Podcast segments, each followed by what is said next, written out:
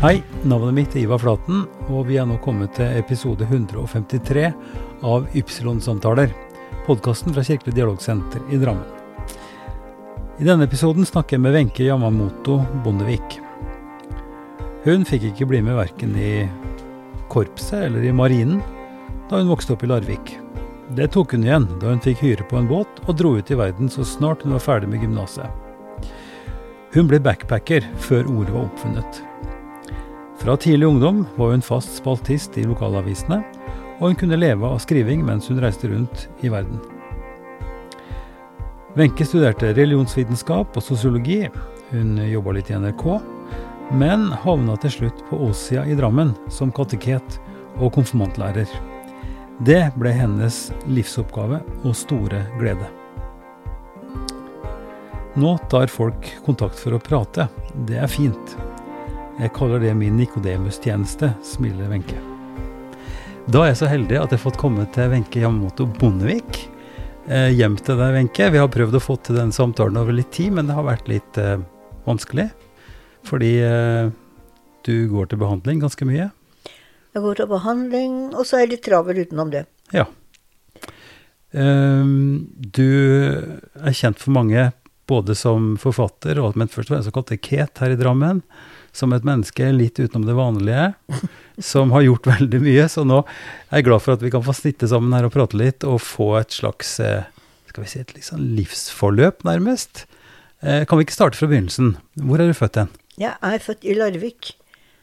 Og oppvokst på et lite tettsted rett utafor Larvik som heter ja. Østerhalsen, ja.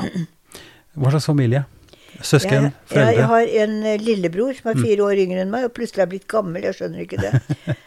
og eh, begge foreldrene mine er døde. Så ja, det, ja. Ja, det, er bare hva, oss. Hva drev de med?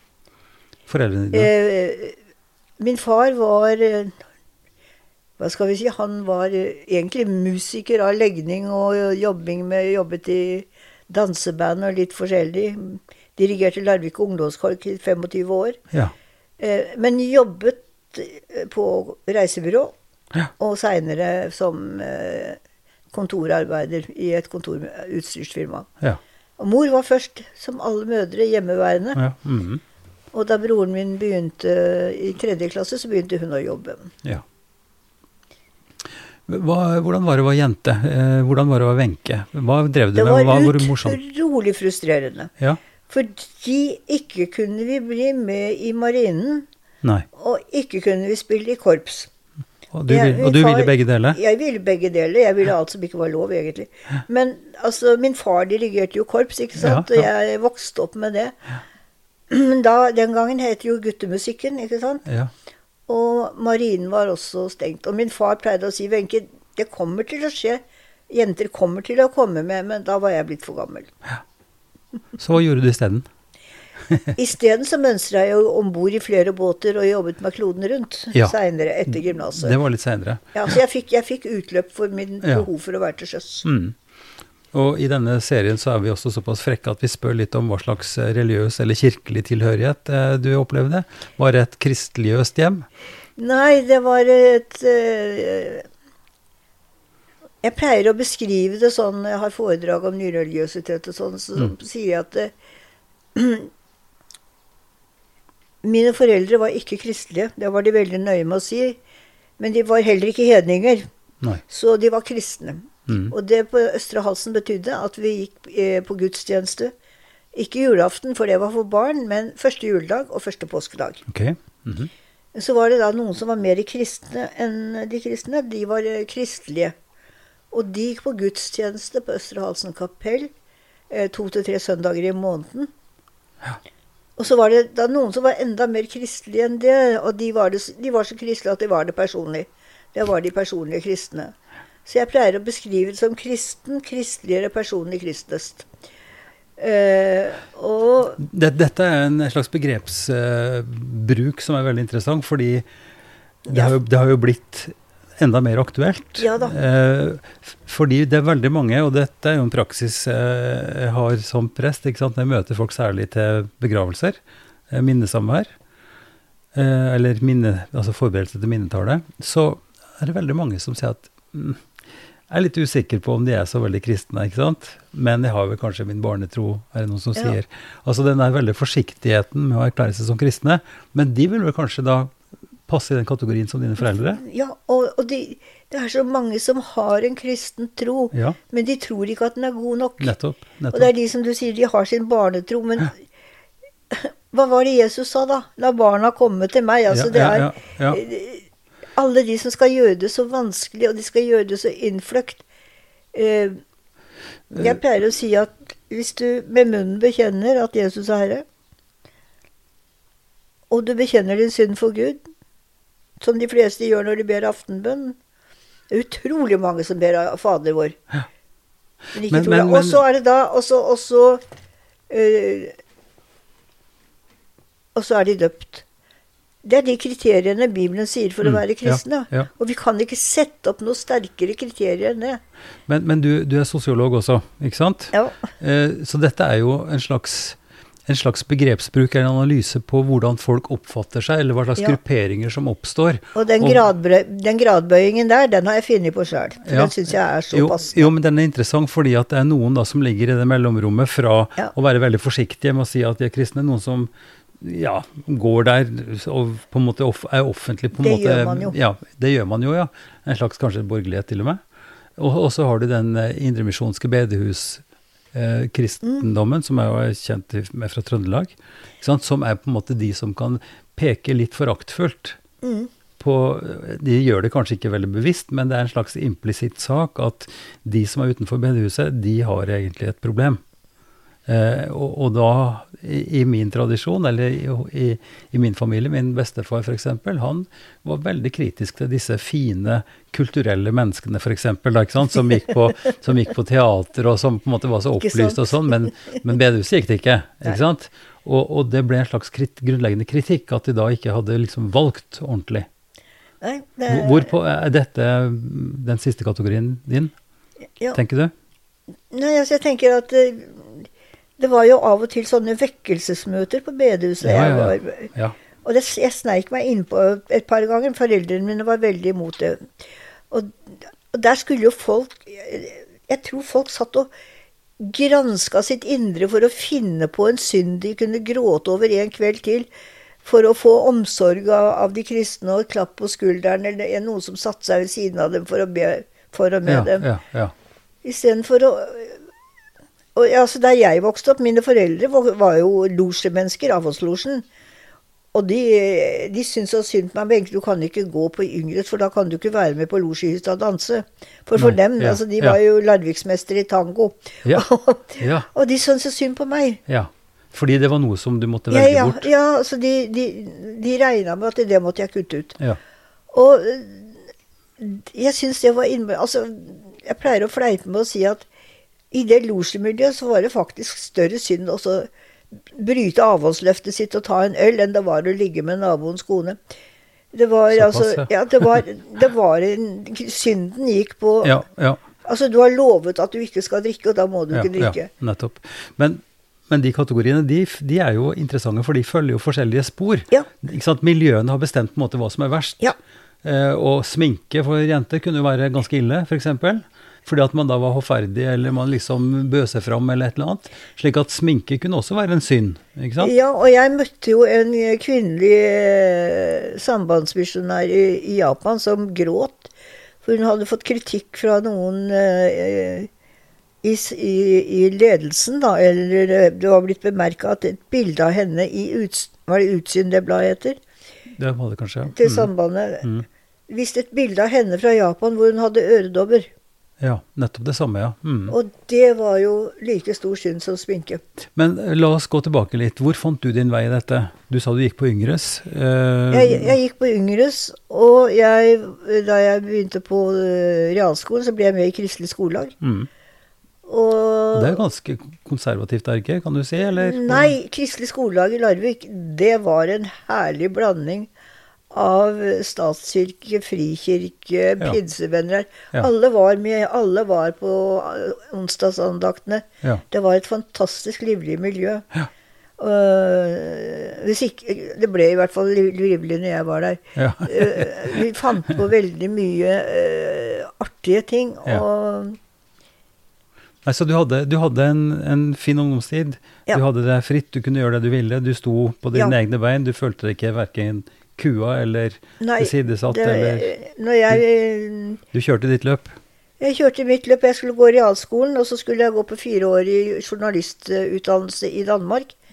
Eh, det var eh, min norsklærer på realskolen som kjørte hjem til mine foreldre og sa at Wenche må gå gymnaset.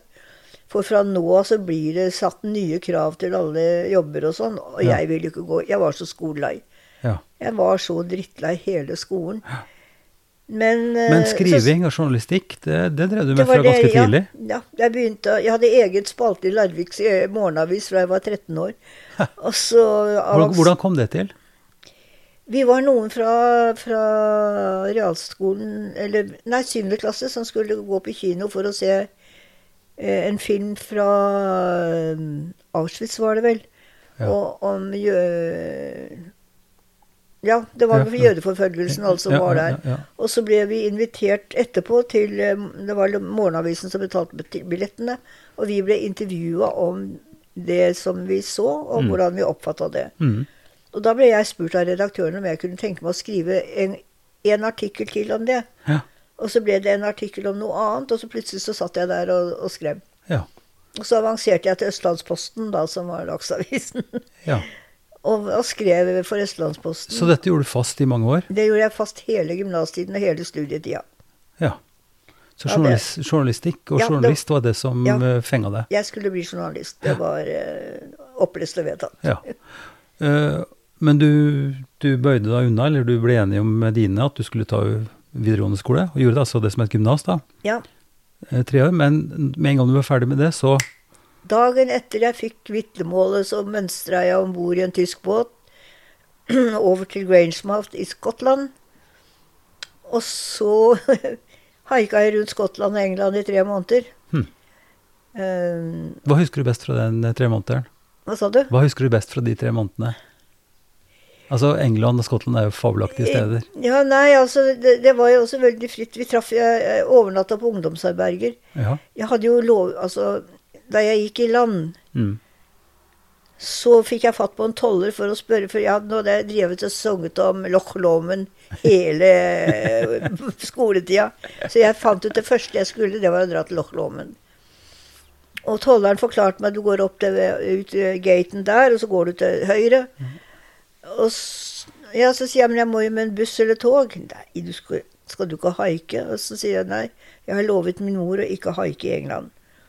Og da ser han på meg og sier Miss, this is Scotland, not England. Everybody hitchhikes in Scotland. Ja, okay. Da tenkte jeg å få prøve det. da. Den første som plukka meg opp, var en uh, politimann. Ja. Uh, som har gått av vakta. Han kjørte meg til uh, til ungdomsherberget i Størling, og så inviterte han meg hjem til kona på kveldsmat. Er ikke det fabelaktig? Jo da. det, der, det der har jeg opplevd også, i, ja. i Tyskland og i Ja. ja mm. det, altså det, sånn ble det. Og så um, traff jeg jo andre medhaikere på ungdomsarbeidene. så jeg, ja. jeg tror bare det var én gang til jeg haika aleine. Ellers så var det alltid noen å haike sammen med. Ja. Og det jeg, husker best, det jeg husker best, det var at vi gikk og kjøpte en loff og så stoppa vi i nærheten av en bondegård, og så gikk vi opp og kjøpte tomater og litt sånt. Og så satt vi oss og hadde piknik ja. Eh, på veien. Så, ja. det, så det, det, var fine måneder? Ja, det var sånn frihet. Ja. Og så en mengde med kirker. Jeg elsker kirker og arkitektur og mm. Ja. Mm. Det var fantastisk. På hvilken måte stimulerte det journalistikken? Var det derfor du reiste, eller var det bare for å reise? Jeg reiste for å reise, og for, å, for, å, se hva jeg kunne se. Ja. Og mm. for å få impulser til å mm. skrive. Jeg skrev jo da hele tida eh, små snutt, og så sendte jeg hjem til, til Østlandsposten. Ja. Og, og det ha, har, du, har du dette i arkiv? Har du disse tekstene? Nei, jeg har ikke det, skjønner du. det kunne vært artig å lese det nå. Skulle, det, det, ja, det hadde vært ja. veldig moro. Ja. Fordi jeg fortsatte jo med det da jeg var i Seinere tok mm. med ny båt over til USA. Ja. Eh, og reiste rundt i USA og Canada i ni måneder med buss. Ja. Og da skrev jeg også hjem, og da gjorde jeg noe lurt. Jeg eh, skaffet meg en oversikt over alle norske lokalaviser. Og så når jeg traff noen nordmenn, enten de var på ferie, eller de bodde der, eller de studerte, så tok jeg et bilde og skrev noe kort, og så sendte jeg det til da den lokalavisa. Ja. Som satte honoraret inn på min konto i Larvik Sparebank. Og når jeg trengte mer penger eller en ny billett, så gikk min far og tømte kontoen i Larvik Sparebank ja. og sendte meg pengene. Så dette kunne du altså leve av, eller du fikk i hvert fall reisekasse? Ja, ja, stort sett så levde jeg av det. Jeg hadde også noen, eh, hadde noen økter underveis med noe oppvask på ja. kafeer og sånt, ja. men ikke for mye. Men den reisen fortsatte i Sør-Amerika også? Altså du, du, dette var en svær rund, sånn, nesten en sånn jordomseiling, nesten, eller? Ja, altså i, USA så hadde de jo ikke interrail, så det var med buss. Når, når omtrent var dette, Wenche? Ah, når omtrent var dette? Når omtrent, jeg var ferdig på Jeg var ferdig på gymnaset i 65. Ja, ja. Jeg hadde et ja. år, 62-63, hvor jeg var ja. utvekslingsstudent i USA. Mm. Og nå besøkte jeg jo denne familien eh, to ganger mens jeg var tilbake. Feira jul med dem.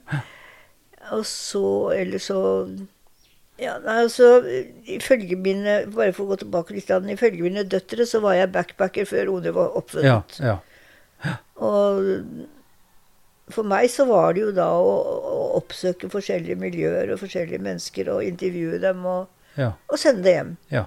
ja. Og dette drev du med ganske lenge? Ja, ni måneder i USA. Ja. Og så videre? Ja, så videre så mønstra jeg om bord i en ny båt mm. i Houston. Ja. Og ut i Caribbean. Det høres så fantastisk ut. Og gjennom Panamakanalen. Ja.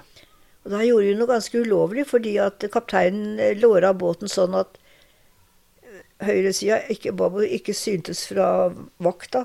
Mm. Så vi fira ned en leider, og så bada vi i den ytterste dammen av eh, Panamakanalen. Det var strengt forbudt, og veldig gøy. Så det har jeg gjort. Så gikk jeg gjennom Panama, opp til San Francisco og over til Yokohama. Ja. Japan. Og der mønstret jeg av. Der møtte jeg venninnen min fra jeg var utvekslingsstudent i USA, mm. som hadde skaffet meg en hybel. Ja. Og broren hennes skaffet meg en jobb på et uh, japansk eksportfirma, hvor jeg lærte japanske kontormedarbeidere å si 'how do you do'? og eh, jeg tjente nok til å leve ganske bra. Og nå er det jo nærliggende å tenke at uh, du bærer navnet Yamamoto mm. som er japansk, så er det nærliggende å koble dette. Men det var ikke da, allerede Nei, da, at du fikk var, en kjæreste der? Nei, jeg var der i åtte eller ni måneder, og så jobba jeg meg hjem, og så var jeg hjemme øh, jobba et år i Norsk Rikskringkasting mm. Som uh, stipendiat i radio. Ja. Du fikk en stilling du søk, som søkte ja, og fikk? Ja, så fikk jeg en stilling der ja. og jobba. Og så fant du hadde jeg ut vist, Du hadde jo vist at du kunne skrive, og du hadde reist verden rundt ja, som journalist. Ja. Mm. Så, øh, men da fant jeg ut at det året der gjorde det klart at jeg skulle ikke bli journalist likevel. Fordi hver gang jeg hadde skrevet en interessant artikkel, truffet et interessant menneske, kom, for, liksom fordypet meg i um, hva det mennesket mm. var opptatt av. ikke sant? Mm. eller la, laget et radioprogram. Ja. Og så gikk radioprogrammet på lufta. Eller og så måtte du på noe annet. Og skal over på noe annet. Så jeg savnet å fordype meg. Ja. Ja. Og da begynte jeg på universitetet. Men vi er nødt til å spørre, fordi det går noen rykter om at du møtte eh, King. Martin eh, Luther King. Eh, Dr. Martin Luther, ja, han traff jeg jeg fikk i sin tid, da jeg var på internasjonal sommerskole i Belgia, så traff jeg en amerikansk eh, forfatter Jaha. som eh, skrev et letter of introduction, introduksjonsbrev, som jeg viste fram til en del kjendiser rundt forbi i USA. Og bl.a. Martin Luther King. Det var mens du reiste i USA? Ja, dette? det var mens jeg haiket rundt i USA. Ja, ja. Og da gikk jeg ned og var på kontoret der en hel kveld og traff han og, og kona. det, var, det som er så irriterende, det er jo at hele Alt det jeg gjorde i USA fram til uh, de to siste månedene, det ble stjålet. Kofferten min ble stjålet fra bagasjerommet på bussen med skrivemaskin og alle artiklene Tragisk. Og bildematerialet, det, var jo irriterende. Bilde av meg og Martin Luther King og kona sammen. Det, det skulle jeg gjerne hatt. Si med noen få ord hvordan det var. Hvordan var det å møte han? Han er jo en Altså Folk husker Riksan Have a Dream, vet uh, marsjen osv. Hva, hva, hva har du satt igjen med liksom etter den kvelden? Utrolig alminnelig. Ja. Altså, jeg, jeg, skjønner den appellen han hadde til folk, fordi han snakka med vanlige folk. Mm. Han, ikke sant, han sto der på I have a dream. Han manifesterte at folk kunne kravle seg opp fra, fra eh, Nå var han riktignok baptistpastor, da, men allikevel fra underkasten til å stå ja. der i Washington ja. og på en måte liksom favne hele verden i det favntaket sitt. Ja. Det var, det var en, og så snakka ja. han til mm. ja, Han snakka ikke til hjernene. Nei. Og det er det vi må lære. Han snakka ikke til hjernene på folk. Nei. Han snakket direkte til hjertene. Ja. Og det var det som slo meg. Mm. Så hadde han en fantastisk kone til å støtte seg òg, da. Det, må, ja. det, det syns jeg underslås for mye, fordi det var helt tydelig at han stadig kikka bort på henne og enten fikk et nikk tilbake eller ja. Nettopp. Nei, men Det er bare en eh, sånn eventyrlig historie, liksom. En, en, person som har en sånn aura og har hatt en sånn betydning. Og ja. eh, det, er jo, det, er jo, også en, eh, en, en pris ja. som baptistene har oppnevnt her i, i Norge, som de kaller Ikkevoldsprisen.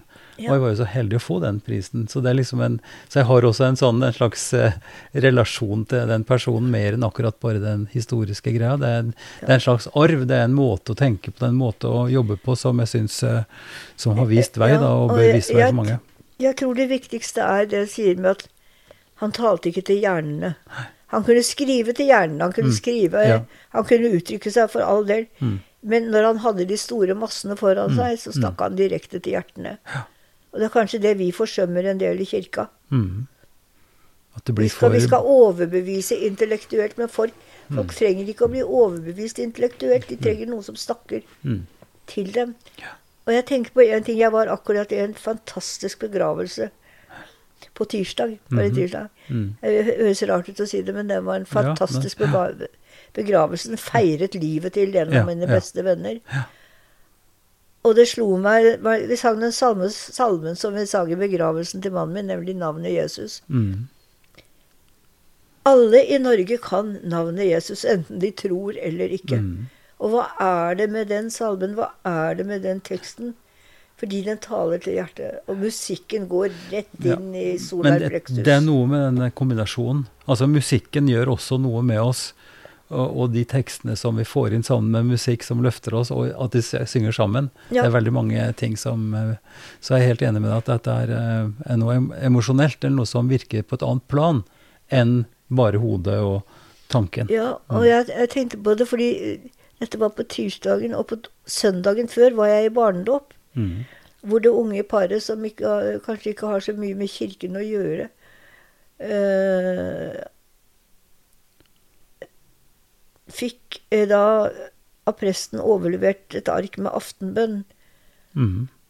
Og den aftenbønnen jeg ikke liker Jeg var opptatt med den aftenbønnen sjøl. Men jeg er enig med min eh, ektemann Odd. Den burde lukes ut av, eh, av aftenbønner for barn. Den heter 'Kjære Gud, jeg har det godt'. Mm. Og jeg husker en gang jeg kranglet med min eldste datter.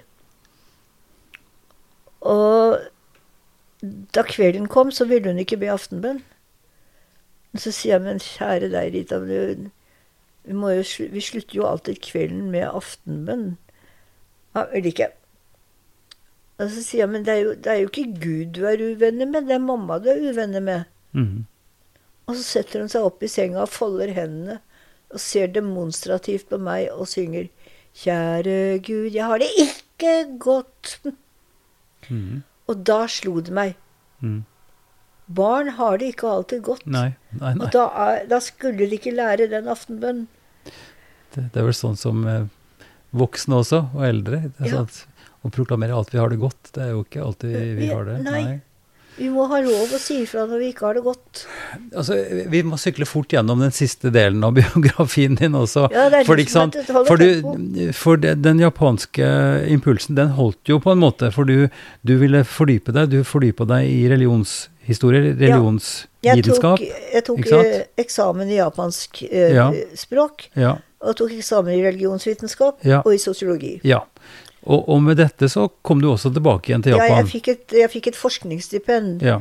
Så jeg fikk en pult på et japansk universitet, så jeg kunne gjøre egentlig hva jeg ville. Ja. Jeg fulgte en del forelesninger, og så og begynte å skrive en eh, magistergradsavhandling.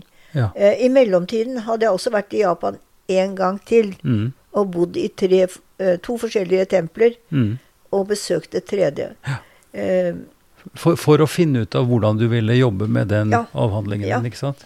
Men så traff du, også, traff du, også, han som ble den første mannen din. Ja, men han traff jeg ikke da, skjønner du. Nei, fordi for det var, det var i Tyskland. Danmark. Etter mitt andre Japan-besøk, ja. så det, bestemte jeg meg for å ta mellomgradseksamen i japansk, og mm. det hadde vi ikke i Norge. Så da måtte jeg til København. Ja. Så jeg har også studert på Universitetet i København, og der hadde de en kjekk ung timelærer i japansk konversasjon. Ja. Så var det vår i København, og fuglene sang, og ja, blomstene blomstret, og så gikk det som det gikk. Ja, ja. Og vi giftet, forlovet oss og giftet oss ganske fort, for vi visste hva vi ville. Ja. Og han, det var, Alle trodde at jeg for det første traff han i Japan, det gjorde jeg ikke. Og alle trodde jeg fulgte han tilbake til Japan. Det gjorde jeg heller ikke. Han fulgte meg til Japan. Ja. For du skulle fortsette studier? Jeg, skulle, jeg fikk det, det forskningsstipendet. Mm. Og det var da jeg ble pensa inn på nyreligiøsiteten, fordi Japan var det første landet i, ja. vel i verden hvor det oppsto.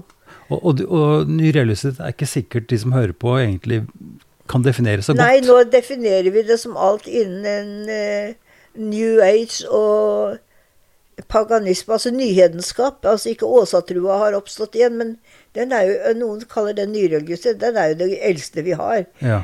Så i, i, Norge så var jo egentlig kristendommen nyreligiøs i sin tid. Ja, ja. Så det er Hara Krishna-bevegelsen som kom, og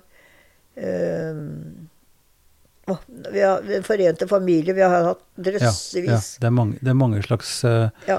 ut, utslag av det. Uh, og den store sekken der, altså at dette er noe Det er en nyreligiøsitet som har en viss Altså uh, Blavatsky og Spirit, altså spiritismen og hele den he, he, Ja, hele greia. Det, det, er et stort felt som ikke ja, er bare helt nytt, men som er relativt moderne. Da. det er jo et startskudd med Mange regner jo mormonerne som de siste dagers hellige som nyreligiøsitetet. Mange regner jo antroposofen innen der. Mm. altså er, Sekken er ganske enorm hvis du skal ja, liksom favne ja, alt. Ja, og det mm. prøvde jeg på. ja, ja.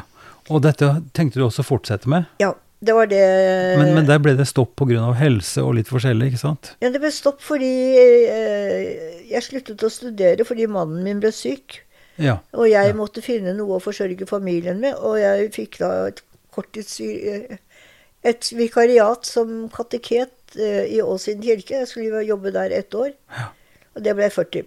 Ja. Jeg elska å være kateket. Jeg elska konfirmanter.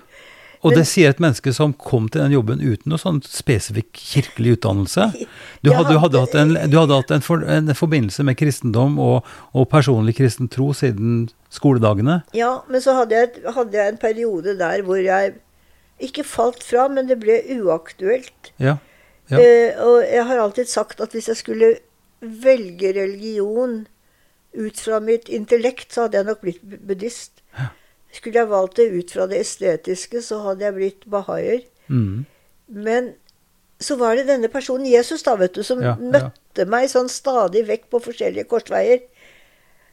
Og som gjorde at eh, Som rett og slett ja. Det var ikke jeg som oppsøkte kirken. Det var på en måte Den, den kateketjobben ble et direkte kall. Og det skjedde litt mystisk, det der, fordi at du hadde egentlig fått en annen jobb, du. Jeg hadde fått en annen som en, jobb. en journalistjobb, rett og slett. Ja. Eh, men som, og som du hadde sagt ja til. Ja. Men så kom dette imellom, og så ble det sånn av en eller annen grunn som Ja, det, det, var den personen som da søkte den jobben jeg hadde fått, visste at jeg hadde fått den. Men hun fikk ikke fred for at hun måtte levere inn en søknad. Så hun sendte inn en søknad kvelden før styremøtet. Og jeg ringte da Åssiden og spurte om de Nei, jeg ringte Stavanger og spurte om de hadde fått en ny søker til redaktørstillingen, og det hadde de. Og sa men Wenche, jobben er din. Og så sa jeg men vent litt, og så ringte jeg til, uh, til Åssiden og snakka med Skalstad og spurte har dere fått en ny søker. Det hadde de ikke, og så sa jeg vel, da kommer jeg. Så, sånn er, er, dette noe som du vil be beskrive som et Kristusmøte? Eller er dette en slags Du sier ikke at det er et kall? Ikke Kristusmøte, fordi det skjedde på, skjedde på helt andre måter. Nei, det var et Jeg vil kalle, jeg kalle det ledelse. Ja, så det, det, det var en slags gudsinngriping? Ja. I hvert fall da. Inngripen i mm. mitt liv. Altså, mm. hele veien ble lagt om. Den ja. gikk fra å være en motorvei til å bli en sidevei. Eh, sånn. Ja, for du, du var journalist. Du tenkte journalisme. Du hadde forska på religionshistorie ja. osv. Men så ble denne litt vesle annonsen eh, om den kateketjobben og jobben som skulle være ett år, ble til et livs, ja. en livsoppgave. Og jeg lå, eh, Første året så lå jeg to kapitler foran konfirmanten i konfirmantboka. For jeg hadde kristendom som del av religionsvitenskap. ikke sant? Ja, ja. Når vi hadde om eh, de monoteistiske religionene, så var de delt i tre. Mm. Så jeg, eh, med kobling til jødedom og kristendom, så var jeg ganske trygg på det mm. faglige innholdet. Og jeg, jeg, leser jo veldig lett og tar kunnskap ganske lett. Sånn at men det som forundra meg, det var hvor gøy det var å undervise. Jeg elsker å undervise, og jeg, her for bare et par uker siden så sitter jeg og sier høyt ut i stua Jeg savner jammen meg å preke. Det har jeg ikke gjort på noe Men det, det var så meningsfylt. Det å jobbe med den eh, Det er så mange som sier Orker du å jobbe med konfirmanten? Og så sier jeg konfirmantene ja, men foreldrene nei. Men hva var det som eh, tok deg slik, som gjør at du kan si det du sier nå? At du ble der og følte altså både den akademiske og den reiseuroen og skriving, alt dette som har vært livet ditt, som du veldig godt har beskrevet nå, ja. eh, så er det jo en ganske ja, det, er det er ikke statisk å være eh, konfirmantlærer eller kateket? Det har ikke noe med status å gjøre i det hele tatt. Det er Eller statisk. Det er statisk, altså, ja. men det, det, det, eh, det å møte unge mennesker akkurat i den utviklingen mellom barn og ungdom voksen. Når hormonene raser som verst. Og, og så husker jeg min egen oppvekst ganske godt. Og så tenker jeg de trenger jo ikke alt dette litterære vi driver og trøkker inn i huene deres. De trenger å møte en Gud som elsker dem, og de trenger å møte en Jesus som tar imot en sånn som de er. Og for meg så ble det en sterkere og sterkere misjonsbefalingen, eller dåpsbefalingen. Mm. Døpe og lære. Mm. Men, men Enke, når du sier så sterkt som du gjør nå, altså, og, og, og, uttrykker dette med, med Kristusmøter og ja. altså for, for en måte å undervise på er at du kan ligge et par kapitler foran i boka. På en måte å ha et slags intellektuelt og et, eh, Altså et, et tankemessig eh, innhold som er present, som du kan formidle. Men noe helt annet er det jo å formidle erfaring. Ja. Eh, og, og, det er noe som har slått meg kanskje i det som du har sagt nå, og som jeg tror er helt riktig. Hva er det i din erfaring av møtet med Gud eller med Kristus som gjør at du så sterkt har lyst til å gå videre med det? Du si, kan du si noe om det? Ja, jeg tror noe av det som ledet meg tilbake til en aktiv fordi den, den, kristne troen hos meg har vel vært skal vi kalle det dormant, for å bruke et fremmedord. Mm, mm. Den har ligget, den har ligget som mm. en undertone i livet mitt. -hmm. Og jeg hadde en bestemor som ba. Eller jeg hadde to bestemødre som ba. Mm.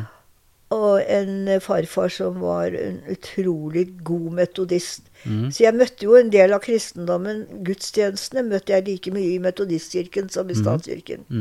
Og det var en lysere tro. Mm. Så det har nok hjulpet meg. Men, men den tryggheten i at noen ba for meg, det var jo det at jeg var den første som startet med at alle konfirmantene mine hadde én bønnefatter i menigheten. Mm. For jeg sa jeg er ikke trygg nok på at jeg kan formidle riktig til alle konfirmantene. Men hvis alle konfirmantene vet at de har én som ber bare for seg, mm. så gir det det ja, Noen som ber for meg, ja, men de kjenner meg ikke engang. Og så kunne formidle at ja, men bønn handler ikke om, om, om uh, at de kjenner deg, men de kjenner Gud, og de kan formidle mm. den kontakten. Mm. Og så var det en del konfirmanter som kom og spurte om de kunne levere brev til bønnefaderne sine. Og det gjorde de. Og så tenker jeg at det, det, altså, Kristendom er ikke kunnskap, det er kjennskap. Du kan ikke kunne noe om Gud, for det er Gud som har skapt deg. Men på hvilke punkter, hvis du kan tenke deg å fortelle om det, hvilke punkter er det du på en måte blir truffet, sånn at du ikke sier at, at eh, Ja, for, for ledelse, som vi snakka om nettopp, ja jobben din, det kategoriserer vi som et, et spor eller et kall, en ledelse som du blir ført inn i, som ja. du kan si, som, som, styrker deg i troen på at dette har en mening, og, og at det er villet. Ja. Men eh, nå maser jeg litt. altså det, det, ekstreme er jo sånn som uh, Charlotte Rørt, dansken, danske journalisten, som hadde en sånn veldig kraftig Kristusvisjon. Så Kristus, ikke sant, og, ja. og sånt noe. Eh, men jeg, bare går litt etter det, for jeg har lyst til å si at du kan si noe om på hvilke punkter er det du føler liksom at du har møtt dette, denne varmen vært... eller kjærligheten eller omsorgen, eller som jeg kan si er Kristus, da? Jeg har følt en indre fred. Mm. Jeg har følt Jeg har sett lys. Mm. Jeg har følt meg omgitt av lys. Ja. Uh, når jeg har vært syk, og på det sykeste så har jeg følt meg båret av mennesker som ber. Jeg orker ikke å be selv. Eh, nå har jeg hatt en periode hvor jeg ikke har orket å be, men jeg vet at folk ber for meg. Mm. Og det bærer meg, og det er mm. nok. Mm. Og når jeg har bedre perioder, så er det meg som bærer andre. Ja. Og den Jeg kan ikke si noe annet enn som en følelse av indre fred. Ja. Når jeg ikke får sove, så kan det hende at jeg bare ligger i senga, og så plutselig så bare føler jeg meg omgitt av noe ja, jeg ja. ikke vet hva er. Nettopp. Og så tenker jeg Men vi vet jo ikke hva Gud er, og nei, hvem Gud nei, er. Ikke sant? Ja. Og det at eh, jeg, jeg, føler meg på en måte privilegert, mm. kan jeg si det. Men, men, det er denne erfaringen som er så interessant, som er likevel så ordløs. ikke sant? Det er noe noen kan si at det er en slags mystisk opplevelse. Det høres rart ut, for mystisk er rart, liksom. Men mystisk er jo et uttrykk også for noe større, noe ordløst. Hvis, noe vi, hvis vi kaller det mysteriøst, da. Ja, ja, ja. Mm. Istedenfor mystisk, for det mm. godtar folk på en annen måte, at det er mysteriøst. Eh, jeg skal fortelle en opplevelse fra Japan. Mm. Jeg sto nede i Ginza, et eh, sånn eh, shoppingstrøk i Tokyo og venta på noen, og så kom det den, eh, to ganske ubehagelige typer opp til meg og ville ha meg med på et eller annet og tilbød meg penger, og jeg begynte å føle meg veldig sånn øh, Ja, nei Og så plutselig så skjedde det noe. Og så gikk de. Og så et halvt år senere så hadde vi en søskenbarnsamling hjemme hos uh, kusinen min i Svarstad. Mm. Og så kommer fetteren min fra, som nå bor i Danmark. Han kom bort til meg, og han er mm. veldig sjenert. Og han er, han er, ikke kristelig, men mm. så kommer han Kan jeg få snakke litt med deg? Og så Du, Wenche, den Og så sa han en dato, et klokkeslett, som da var åtte timer forskjøvet. Hva var det som Hva var det som skjedde med deg da?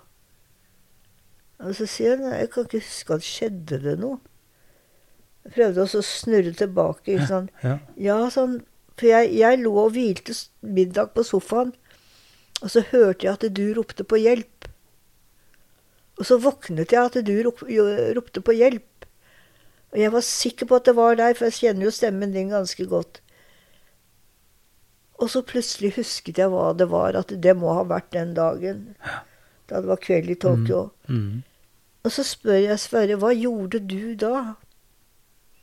Og så smilte han veldig sjenert og sa veldig lavt Da ba jeg til vår mormors Gud. mm. om at han skulle passe på deg.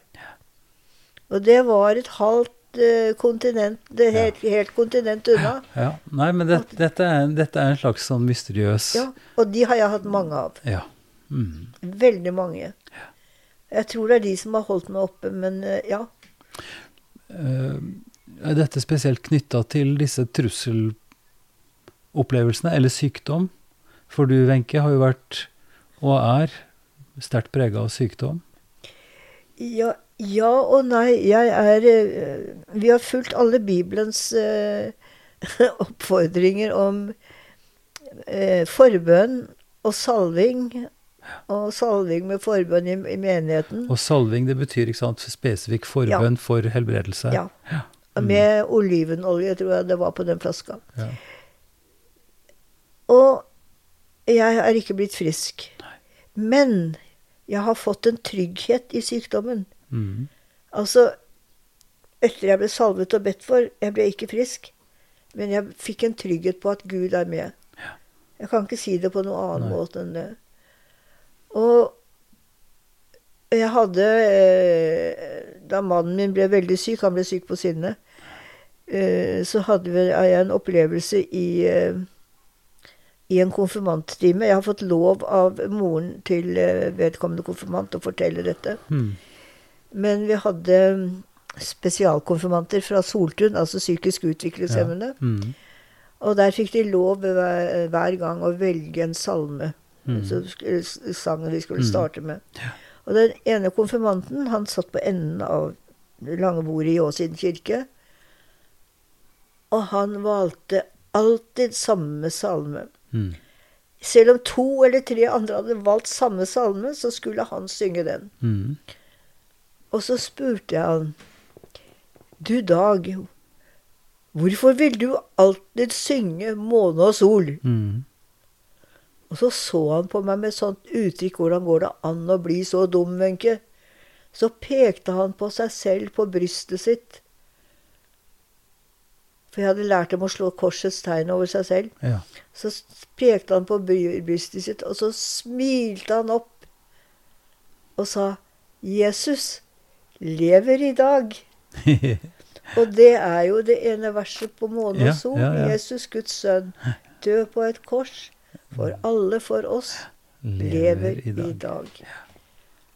og den har jeg fortalt i så mange mm. prekener og så mm. mange andakter. Og hver gang så kommer det noen opp og takker meg og sier ja, hvis det er å være kristen Og så får de en styrke mm. av Jesus som mm. levde i dag. Mm. Og lever i dag. Mm. Og da, jeg, da, gikk jeg inn og rev opp den oppsigelsen jeg akkurat hadde skrevet før timen. For da hadde jeg en periode i livet mitt som var så tung ja. at jeg tenker med så lav tro som jeg har, så kan ikke jeg undervise. Mm. Og så kommer altså Dag og forteller meg at Jesus lever i dag. Ja. Og så tenker jeg men det er det det er å være kristen. Jesus mm. lever i dag, i Stig, i Elsebeet, i alle sammen. Ja. så det holdt, meg, det holdt, meg, på Det holdt deg, holdt deg i, det, i, gang? Ja. Det, ja, ja. Nei, det er, mm. Så det er sånne opplevelser, ja. Sånne inngripener i mitt liv stadig vekk. Så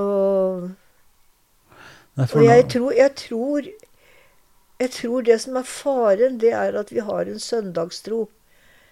Altså, vi har flest hverdager. Mm. Så vi må ha en hverdagstro mm.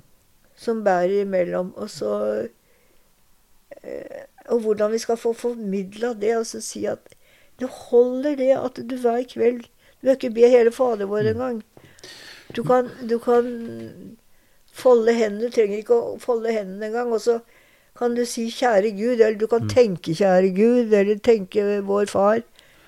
Og så er du på Guds intranett. Men, ja, men, ikke Internett, men Guds intranett. ok, ok, ja. Altså, jeg har lyst til å nyansere det litt, for eh, problemet eller situasjonen har jo vært, og er jo kanskje for ganske mange, at dagene går veldig bra. Man har det stort sett trygt og godt, man har det man trenger. Eh, dette er overfladisk sagt, men, men, det er jo et inntrykk at når trykket, enten pga. bekymringer eller sykdom eller, eller brudd, ikke sant, eh, hvor en mister noen, eh, at en da og, og, dette sier jeg fordi jeg syns å merke det når jeg forretter i begravelser. Mm. Og, og, alle er på plass i, i seremonirommet og vet eksakt hvorfor de er der. De blir minnet på sin egen sårbarhet. De skal ta avskjed med noen de er glad i. Eh, og, og, den påminnelsen, eller den erfaringen av tap eller, eller sårbarhet, og, og bli minnet på at ja, nest, altså hvem vet? Eh, og at det gir en, en, slags alvor eller en åpenhet da, for å tenke de tankene som en ikke gjør i hverdagene hvor alt bare ruller og går. Så derfor så kan også sykdom Mm. Eh, å bli satt tilbake, bli avhengig av andre på forskjellig vis. At det også er en slags mulighet, da. Ja. Eh, som, som, du også sikkert eh, erfarer. Som venninnen min akkurat sa. Hun sa nå har vi kommet i avgangsklassen. Mm.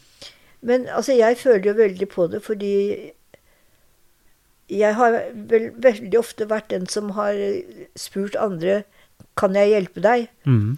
Og så kommer jeg, når du kommer i dag, veldig hjelpeløs og klarer ikke å skru om korken på mineralvannsflaska. Mm, mm. Og så er jeg i butikken, jeg kjører en rullestol inn i butikken. Og så rekker jeg ikke opp til de varene jeg skal ha. Og så må jeg be andre om hjelp. Mm. Etter 20 år i rullestol så er det fortsatt vanskelig å be om hjelp. Ja. Fordi jeg alltid har vært den som har klart. Jeg har alltid vært den sterke. Mm. Og nå er det meg som må be om hjelp. Og det, det, det kjennes ikke godt. Nei. Det skal jeg innrømme. Nei. Men det er også en, eh, en Det er en lærdom. En, en ja, men det er også en stor ting å få hjelp. Ja. Altså det å bli møtt med, med et smil. De fleste som blir spurt om å hjelpe, de gjør det jo. Ja, og noen følger med halve butikken rundt for i tilfelle jeg trenger hjelp mer. Og det er, ja. det er jo helt fantastisk.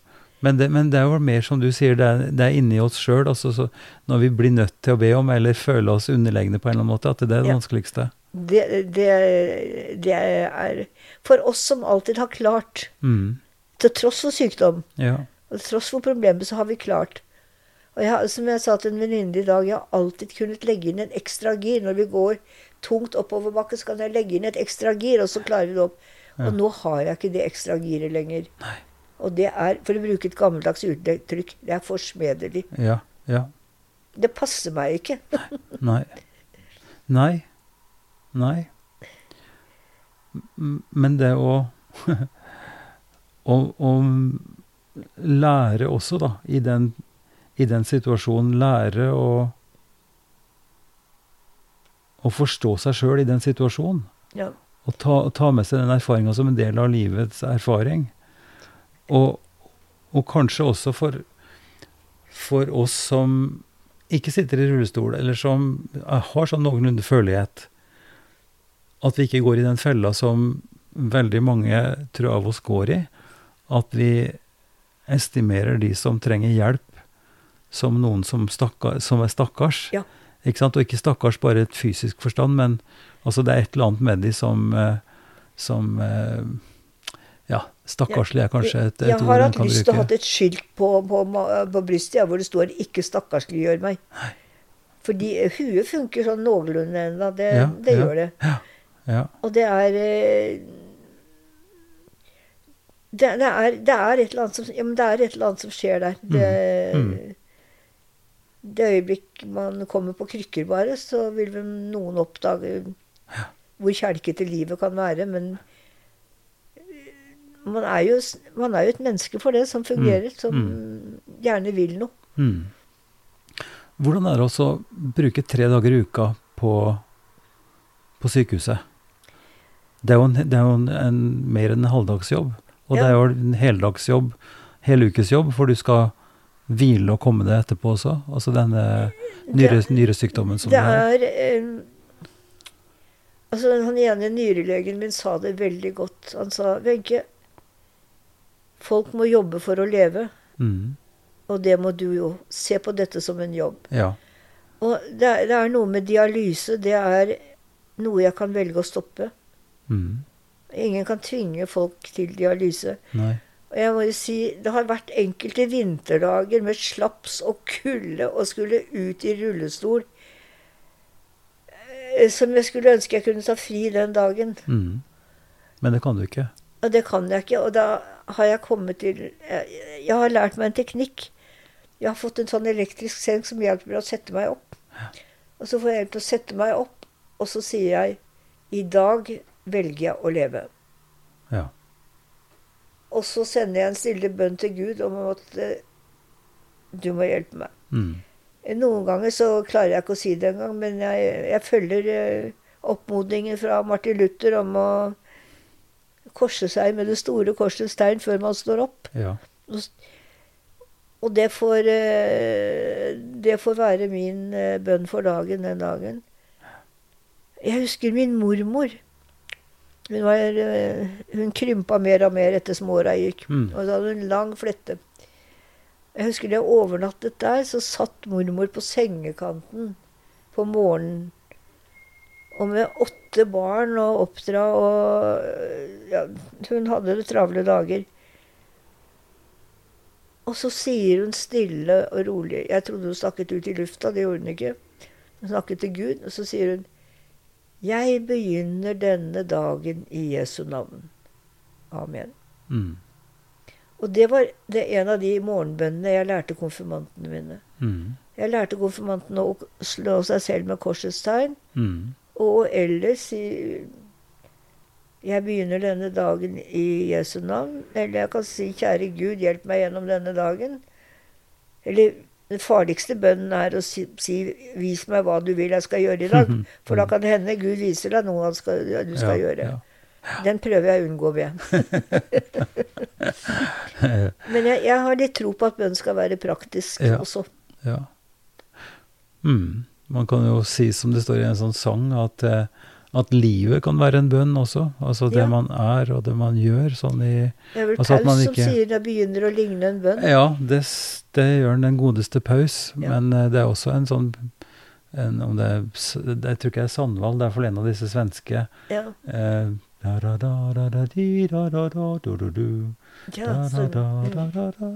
så det er flere av disse sangene som minner om det, tenker jeg. Og at man ikke gjør det så altfor vidløftig. Og det tenker jeg høres sånn ut i din undervisning da, av jo. konfirmanter. At man gjør det mest mulig praktisk, og at man kan ha noen gester ikke sant, som korstegnet ja. eller lystenning, som du var inne på. Disse mm. tinga som, som, er symbolske, men allikevel gir mening og er håndfaste. da. Når jeg skulle undervise konfirmantene om dåpen, mm så samla vi oss rundt i, i mindre grupper så samla vi oss rundt døpefonten, hvor de hadde vann oppi. Mm. Og så stakk de fingrene sine opp i døpefonten, og så mm. slo de seg selv med korsets tegn i panna. Mm. Og så sa jeg det ble tegnet over dere da dere ble døpt. Ja. Og nå har dere gjort det selv. Mm. Og dere kan si til dere selv at dere kan bruke det selv som en innvielse til Gud, eller dere kan bare si at nei, mm. det var bare noe vi gjorde. Mm, mm. Men dere har gjort det, og dere ja. har kjent det. Men Wenche, la, la, oss gå litt tilbake igjen til, til, sykdomserfaring. For du har skrevet bok, du.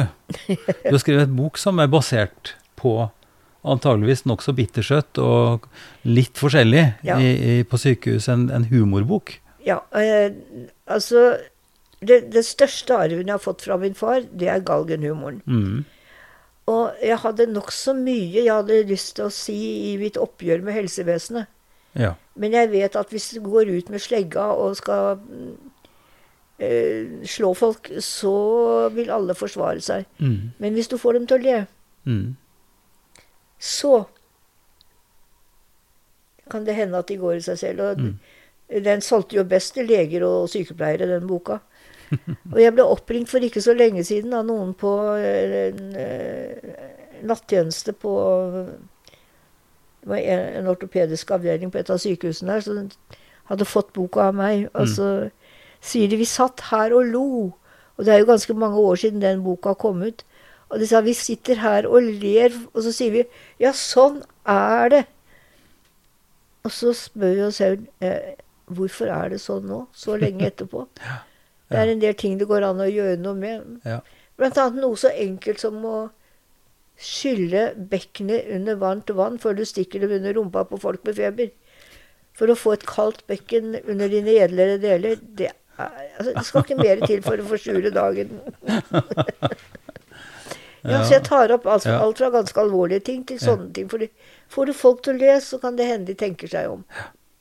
Nei, for du har de store, store systemene. ikke sant? Jeg, er jo, jeg, kan, ikke, jeg kan ikke påberope meg mye erfaring, men jeg har noen erfaringer som de aller fleste har. Ikke sant? Med, ja. nå er det for, min, for min del diabetes og, og, og ja, pumpe og litt forskjellig sånt. Og så, og så klart hjertesykdom, ikke sant? med mm, hjertefeil mm, ja. og hjertestans og alt det der. Hvor jeg har opplevd altså, et ekstremt kvalifisert og kompetent både ambulansesystem og et, et legesystem. ikke sant? At man blir tatt vare på. Ja. At man får den hjelpa man trenger når det er helt, står liksom om, mm. om, livet.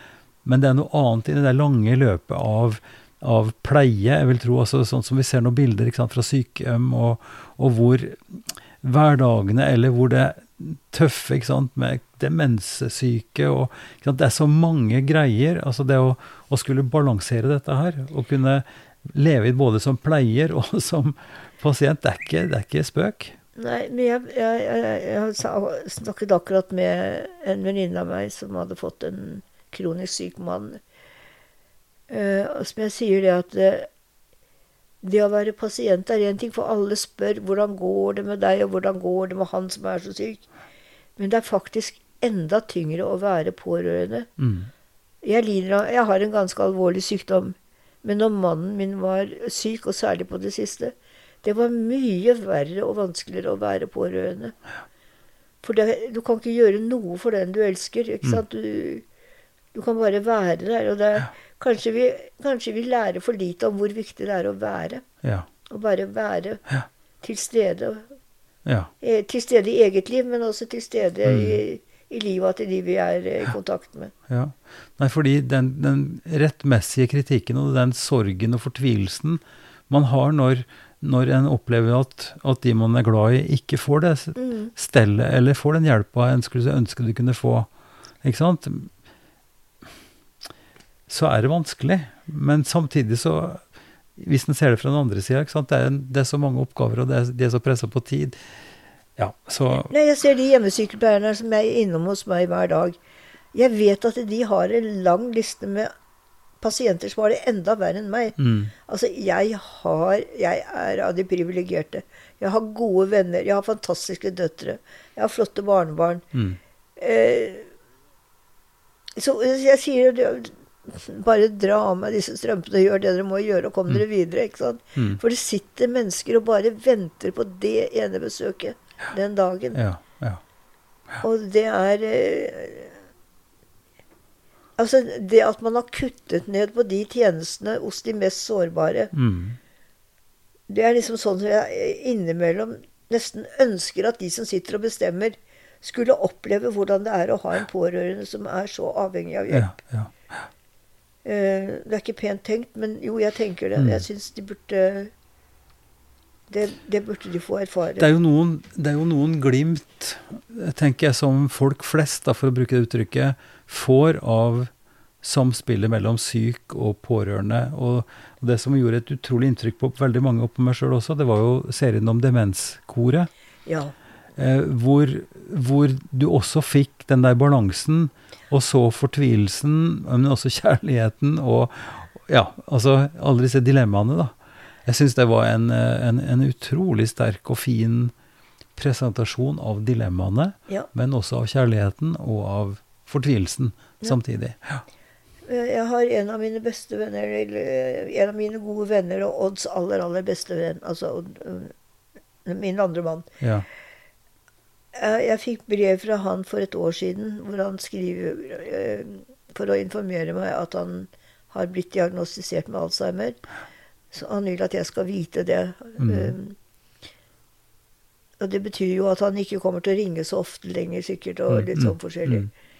Og, og, ane hans fortvilelse bak det, for dette er en mann som er av de mest superintellektuelle jeg har møtt. Han mm. Leser uh, Leste i hvert fall som Odd hebraisk og gresk hver dag. Uh, skrivefør, preker, fantastisk predikant. Og så går han nå mer og mer inn i glemselen. Men jeg mm. traff han i begravelsen på tirsdag. Mm. Han kjente meg igjen, og vi hadde en fantastisk god samtale. Men jeg vet jo også at når han kommer hjem, så har han glemt at han har truffet meg, sannsynligvis. Mm. Ja. Men han fikk sagt det han ville si til meg. Mm. mm. Og vi fikk klemt hverandre. Ja. Og jeg fikk klemt kona. Og det Ikke sant? Det, det er det viktigste. Det, jeg tenker jeg, Vi var der for hverandre det mm. øyeblikket. Ja. Og Det er derfor vi må ta vare på disse hver dagene. Ja, ja. For dem er det flest av. Og så må vi ta vare på Jeg tenker jeg prøver å tenke i hvert fall at Gud sender noen mennesker i min vei. Og det er ganske mange som ringer meg og snakker. Noen innleder med at de vil vite hvordan det går med meg. Mm. Og så bruker vi den neste time på å høre hvordan det er med dem. Ja. Men, det, ja, men det er en grei åpning, fordi jeg, jeg Altså innimellom Tidligere konfirmanter ringer. Eh, mm. Av og til så ringer det tidligere konfirmantforeldre. Mm. Eh, du, jeg bare lurer på Og så sa jeg til Da Signe sluttet i Fjell, så mm. spør hun hva skal vi kalle din frivillighetstjeneste nå. Og så kom jeg opp med det. Jeg tror jeg skal kalle det Nikodemustjenesten. Mm. Ja. Jeg jobber på kveldene og nettene, og folk, ja, folk kommer og kom, prater. Kan, du, du, er åpen for at folk kan komme til ja. deg og snakke, rett og slett. Ja. Mm. Og, det når de gjør det, det føles som en gave, faktisk. Da føler jeg meg ikke så unyttig lenger. Wenche? Det, er no, det er noe med det å bli eldre og pensjonist og syk. Mm. Og eh, ikke så handlekraftig fysisk lenger. Det at du innimellom føler at du blir slengt til sida som en sånn vaskeklut. Mm. Nå har du gjort ditt. Mm. Eh, takk for innsatsen. Mm. Og så Det var det, liksom. Mm. Men når jeg fortsatt får snakke med folk, jeg møter folk, så føler jeg nei, da, jeg, livet mitt har fortsatt en mening syk eller ei, det mm. er, eh, det er kanskje det viktigste. Mm. Wenche, mm. takk for at du tok imot meg, da. Eh, som Nikodemus, eller som, som, hva du var. For en flott samtale, og interessant å høre om alt det du har vært i, og det du står i nå. Så tusen takk skal du ha. Tusen takk for besøket. Ypsilon-samtalene produseres for Kirkelig dialogsenter i Drammen av Ivar Flaten. Og det er jeg som eh, har redaktøransvaret, og, og som produserer episodene. Podkasten er støtta av Drammen kommune, av eh, Barne- og familiedepartementet og av Einar Juels legat. Vi ønsker svært gjerne innspill på hvem som kan være aktuelle som eh, samtalepartnere. Gjerne også med temaer til hva dere syns kan være interessant å høre om. Gi gjerne beskjed via mail til ivar krøllalfa ifd.no. Altså ivar krøllalfa ifd.no. Vi høres.